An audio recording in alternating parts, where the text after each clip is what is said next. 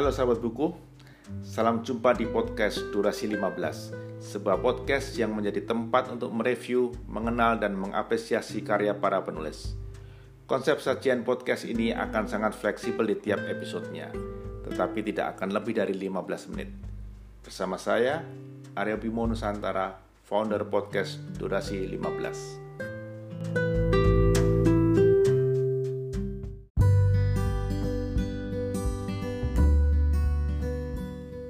Sosok penulis ini tentu sudah tak asing lagi bagi mata dan telinga kita. Sebelum masa pandemi lalu, wajahnya sering hadir di layar kaca, menjalani lakon sebagai penulis notulen di berbagai mata acara. Ia, Maman Suherman atau akrab disapa dengan Kang Maman, yang di tangannya segala karut-marut, silang pendapat dan keruwetan diskusi atau debat luruh dalam sebuah notulen yang cakep. Tulisan dan kata-katanya yang bijak, yang menyentuh hati membuat semua orang ingin membaca dan mendengarkannya.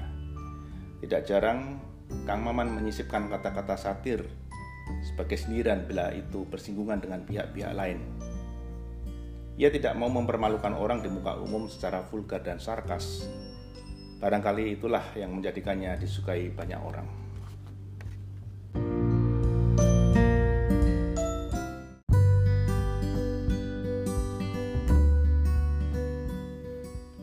Jagat perbukuan, Kang Maman dikenal sebagai salah seorang penggerak literasi yang gigih menyebarkan virus membaca hingga ke berbagai pelosok negeri. Ia tak peduli pada rintangan yang menghadang, baik di darat, laut, maupun udara. Sebagai penulis, ia tergolong amat produktif. Delapan buku diterbitkannya pada tahun 2020. Satu dari kedelapan buku itu berjudul Ibu, sebuah obituari cinta, diterbitkan oleh penerbit Diva Press Yogyakarta. Buku ini dirilis pada Desember 2020. Sejumlah puisi bertema ibu ada di dalamnya, mengguratkan seberapa kuat ingatan si penyair pada ibundanya. Ia notulenkan kisah hidupnya, pengalaman masa kecilnya, masa remajanya hingga masa tuanya. Ditambah beragam rekaman situasi sosial sepanjang masa pandemi tahun lalu.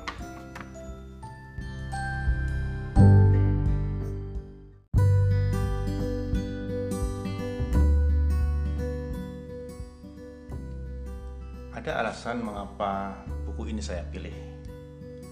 Menurut cerita Kang Maman, kelahiran buku ini tercetus setidaknya oleh tiga kejadian penting di masa pandemi COVID-19 yang membuat kondisi psikologisnya benar-benar terpukul, yakni kehilangan dua orang yang sangat dicintai dan disayangi. Ibu mertuanya wafat pada 12 Mei. Tak lama kemudian ibu kandungnya wafat pada 12 Juli dan di antara kedua peristiwa duka itu, putrinya melahirkan anak pertama secara prematur pada 12 Juli, cucu pertamanya.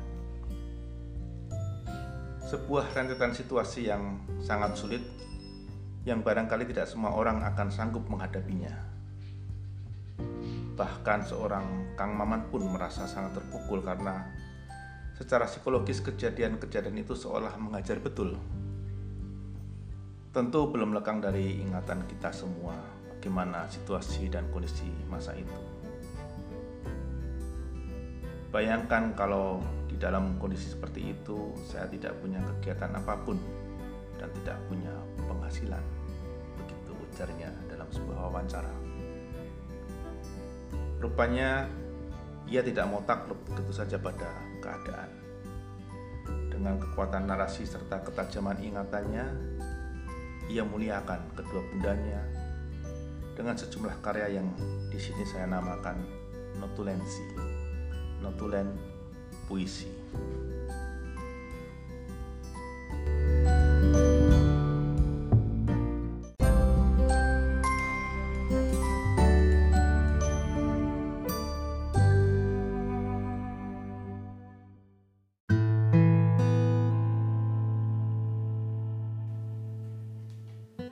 Ibu.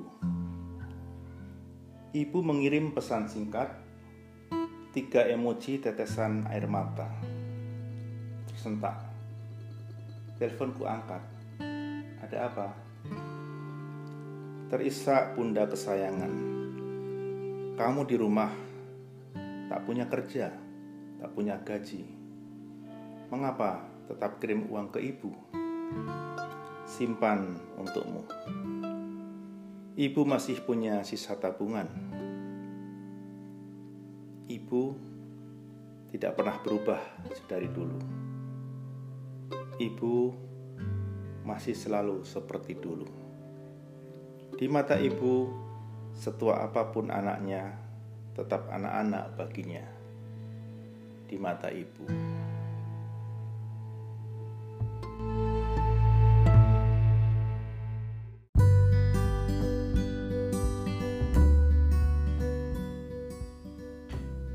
Inilah yang saya maksud dengan istilah notulensi dalam buku ini. Tak perlu ada makna yang terselimur di balik kata, semuanya real dan nyata. Sebagaimana hakikat sebuah notulen. Yang menarik bagi saya di puisi ini adalah diksi setua apa pun anaknya, tetap anak-anak baginya di mata ibu. Sebuah pengamatan yang tajam dan bernas karena bila kita renungkan, diksi ini sangat benar. Ini sebuah realitas yang tak bisa disangkal. Ibu tetaplah ibu yang akan tetap berlaku sebagai seorang ibu bagi anak-anaknya. Setua apa pun usia sang anak, bagaimanapun kondisinya.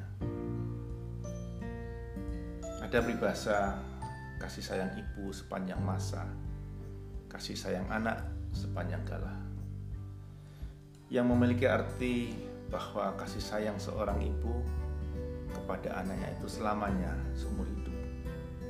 Sedangkan kasih sayang anak yang diberikan kepada orang tua memiliki batasan.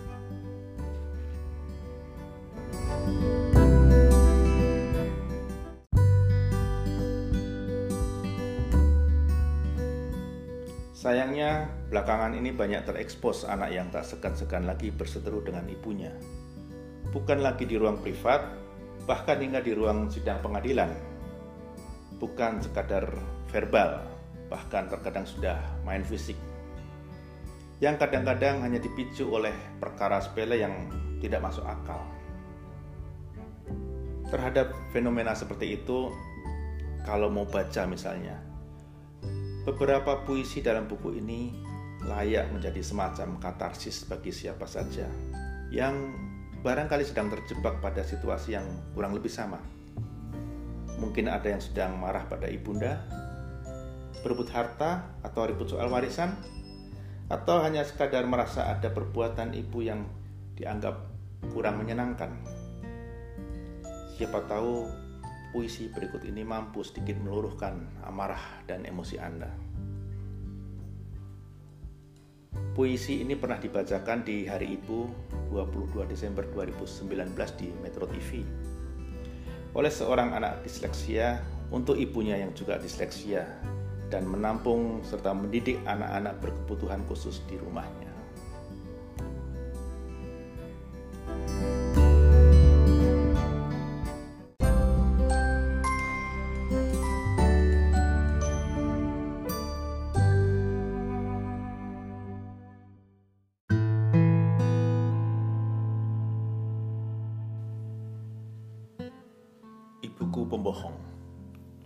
Kata orang, ibuku pembohong. Ya, betul, ibuku pembohong. Saat makan, jika makanan kurang, ia berikan semua kepada anak-anaknya. Makanlah, ibu tidak lapar. Padahal ku tahu seharian ia belum makan. Waktu tersisa hanya ikan, ibu tidak suka ikan. Makanlah, nak. Di dapur setelah kami makan, diam-diam ia tempelkan nasi ke tulang ikan sisa kami, agar nasinya beraroma ikan. Tengah malam, saat sedang sakit dan menjaga anak-anaknya yang juga sakit, istirahatlah nak, ibu masih belum mengantuk. Padahal ku tahu ia juga sakit, terkantuk-kantuk. Ibu, jangan pernah berbohong lagi Jangan pernah bilang ibu tidak sakit, ibu tidak apa-apa.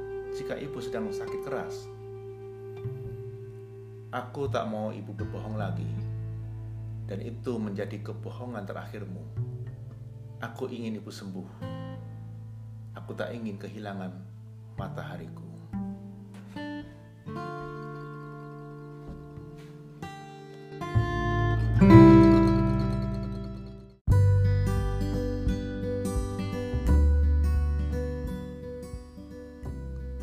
Pembahasan kali ini sengaja saya titik beratkan pada notulensi berlatar ibu sesuai dengan judul buku ini. Sekaligus sebagai persembahan kasih bagi para ibu di mana saja. Memori tentang ibu sewajarnya memang tak pernah ada habisnya. Ia terus menginspirasi ibarat sumur yang tak pernah kering sepanjang hayatnya. Dan lewat buku ini Kang Maman telah mencontohkan bagi kita semua.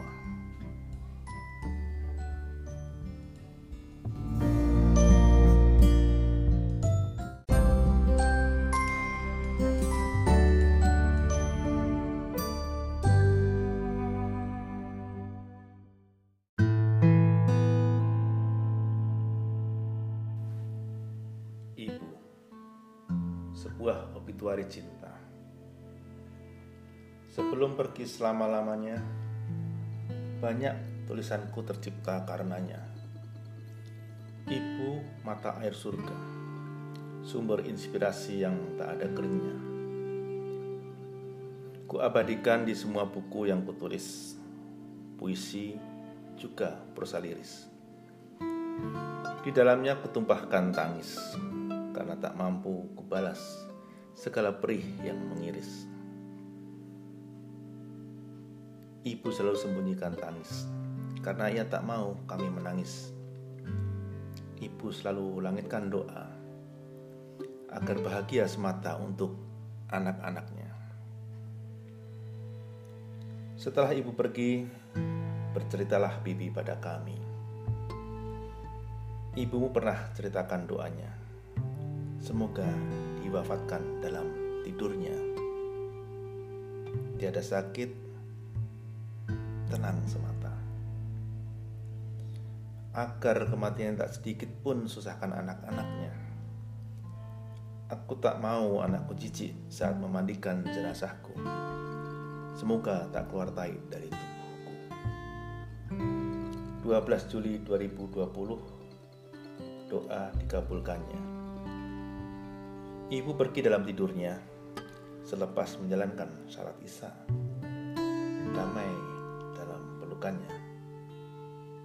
Ibu, maafkan anakmu. Tak sedikit pun sanggup membalas kebaikanmu. Kerap lupa saat bahagia. Tapi kala sedih, selalu datang mengadu.